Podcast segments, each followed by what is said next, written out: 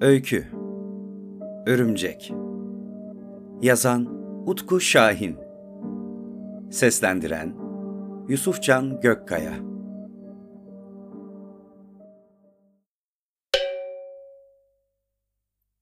Nisan'da meslekteki 50 yılımı devirmiş olacağım. Dile kolay, yarım asır. Görkemli bir sergiyle sona erecek kariyerim. Artık herkes fotoğrafçı. Zeka küpü telefonlar, Instagram filtreleri, öz çekim çubukları varken bize ne gerek var? Işık nereden gelmiş, kadraj yamukmuş, fotoğrafın derinliği mi varmış, kim takar? Sergimin son hazırlıkları tamam sayılır. Görülmemiş çapta bir etkinlik olacak. Çoğu siyah beyaz, yaklaşık 2000 eser. 70'li yıllardan mutlu aile tabloları. Hemen herkesin aile albümlerinde olan sıradan fotoğraflar. Kabarık saçlar, siyasi görüşleri belli eden şekilli bıyıklar, vatkalar, doğum günü pastasının arkasında ayakta duran sınıf arkadaşları, masa etrafında toplanmış kalabalık aileler. Çoğu kötü çekilmiş. Sanatsal bir değeri yok. Buna rağmen en çok beğenilen sergim olacağına kalıbımı basarım. Ne de olsa artık buruşmuş kıçımı bile çeksem bayılıyorlar. Size bir sır vereyim mi? Ama büyük güne kadar aramızda kalacağına söz verin. Bu fotoğrafların hiçbirini ben çekmedim. Rekor düzeyde gelir bekliyorum bu sergiden. Gelirini kimsesiz çocuklara bağışlıyorum. Tüm basın kuruluşlarına haber verildi. Ülkenin en zenginlerine özel davetiye gönderildi. Reklamı da iyi yapıldı. Her yerde boy boy afişler. Sergi alanı tıka basa dolacak. Bir fotoğraf satın alıp ne kadar hayırsever olduklarını göstermek için birbirleriyle yarışacaklar. Nereden mi biliyorum? Bir örümcek ağını nasıl öreceğini iyi bilir. Onlar ağıma düşerken ben de içimden kıs kıs güleceğim. Evet, lakabım Örümcek. Bütün dünya bu lakapla tanır beni. Son Örümcek Adam filminin afiş fotoğrafını bile bana çektirmeleri bundan. Çıplak elle binalara, kayalara ve dağlara tırmanırım sanatım için. Herkes bu yüzden bana örümcek dendiğini zanneder. Varsın, öyle bilsinler. Bu lakabın asıl sebebi ise bambaşka. 11 yaşındaydım. Metamorfoz geçirmeye vakit yoktu. Bir gecede örümcek verdim. 52 yıl kadar geçmişe gideceğiz affınıza sığınarak. Havanın ayaz kestiği buz gibi bir aralık gecesine. Yol kenarlarında dizime kadar kar biriktiğini hatırlıyorum. Sokaklarda hızlı adımlarla yüzüme bile bakmadan yanımdan geçip giden, kayıp bir yerlerini kırmadan bir an önce evine ulaşmaya çabalayan tek tük insan vardı. Kime kendimi acındıracaktım da kimden para kopartacaktım. Yarı aç, yarı tok, ne yapacağımı bilmez ve umudumu neredeyse yitirmiş biçimde arka sokaklarda dolaşıyordum. Pek bir şey toplayamamış olsam da popom daha fazla donmasın diye 10 gün önce çocuklarla keşfettiğimiz metruk eve gitmeye karar verdim. Odanın ortasında ateş yakıp hem ısınır hem muhabbet ederdik hiç olmazsa. Ellerim cebimde oraya doğru yollanmıştım ki bakımı epeyce ihmal edilmiş, boyaları dökülmüş, iki katlı ahşap bir evin üst kat penceresinin ardına kadar açık olduğunu gördüm. Sokak çocuğuysan pratik zekalı olmak zorundasın. Bir saniye bile düşünmedim. Tırmanıp pencereden içeri giriverdim.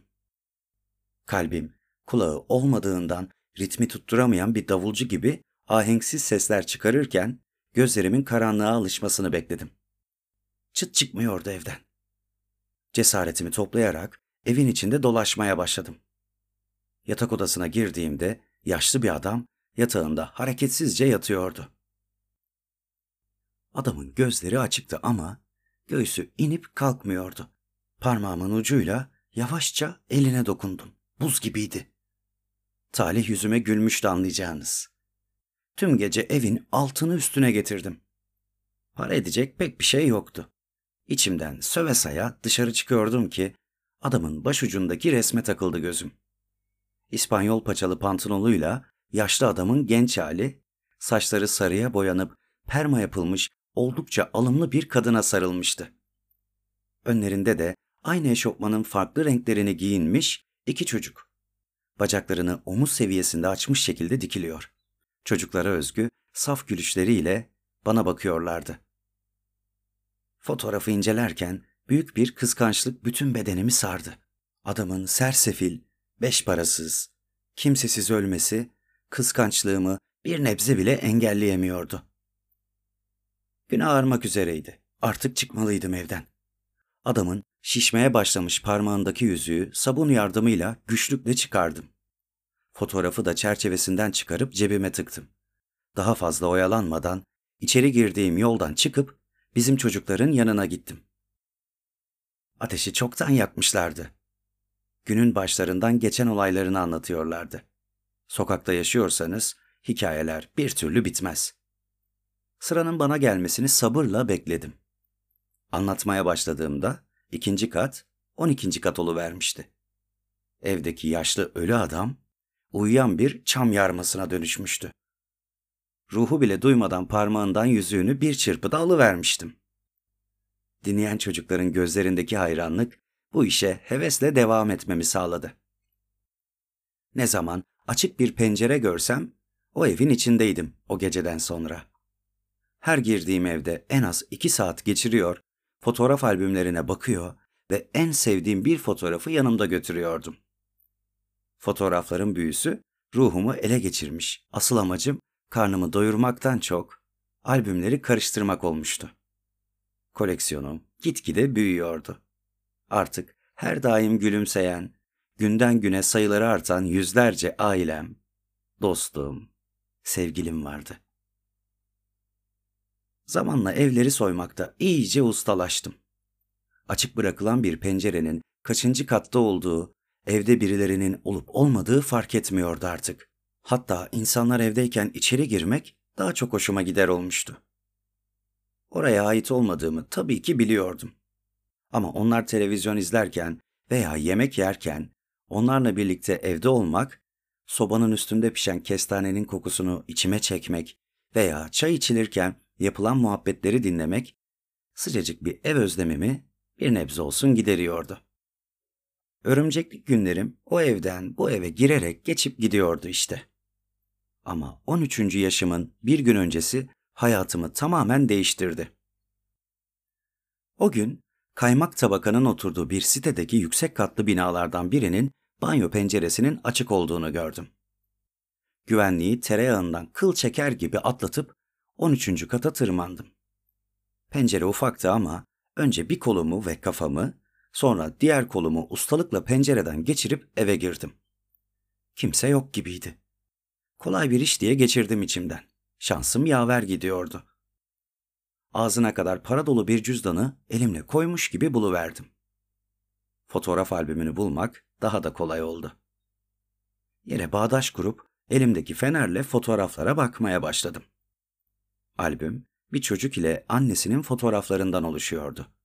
Çocuk görünüş olarak şaşırtıcı derecede beni andırıyordu. Özellikle de kestane rengi saçları ve yeşil gözleri. Sayfalar ilerledikçe çocuk gittikçe eridi. Saçlarını döktü. Maske taktı ve hastaneye düştü. En son fotoğrafta ise çocuğun mezarına beyaz karanfiller atılmıştı. Kendi cenazemi görmüş gibiydim. Bu albümden fotoğraf almaya elim gitmedi.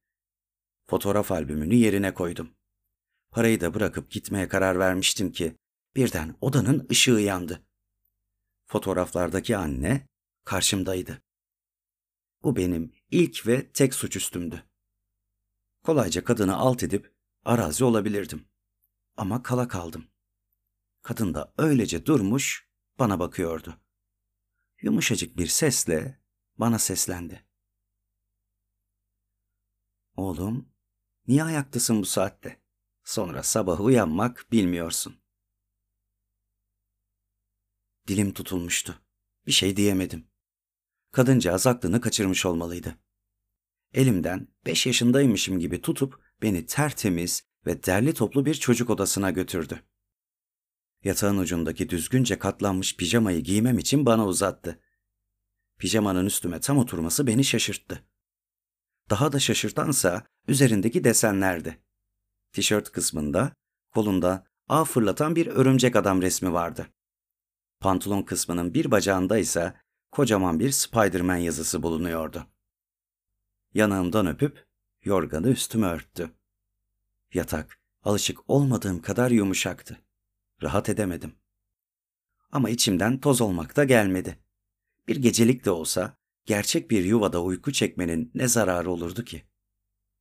Sabah mutfaktan gelen çatal bıçak sesleriyle uyandım.